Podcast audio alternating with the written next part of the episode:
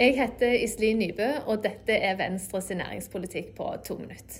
Venstre er et parti som heier på de som har en idé, som ønsker å ta den ideen ut i livet, og som ønsker å skape en jobb for seg sjøl og noen til. Venstre er et parti som er opptatt av å legge til rette for økt verdiskapning, eh, og som vil legge til rette for at de nye grønne jobbene kan skapes eh, i framtida. Jeg mener jo at uansett hva spørsmålet er, så er det kunnskap som er svaret. Eh, og Derfor så henger de to tingene, kunnskap, kompetanse og næringsliv og jobbskaping, det henger, det henger veldig tett sammen. Og det handler jo alt om, eh, om liksom å legge til rette for at de utdanningene vi har, er praktiske, og at eh, man lærer ting som faktisk er nyttig i næringslivet. Men det handler òg om eh, å lage en kultur i høyere utdanning som, som, heier på de som har den ideen, som, som utfordrer studentene litt, som, som, legger til rette for at man, man, skal kunne ta de ideene og jobbe videre med dem.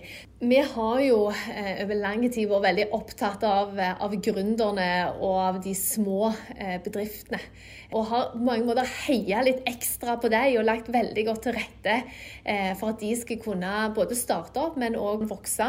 Eh, og for å få det, så, så, så kan vi jo ikke skatte de helt. Sant? Det er jo fortsatt en, en, viktig del av vår politikk.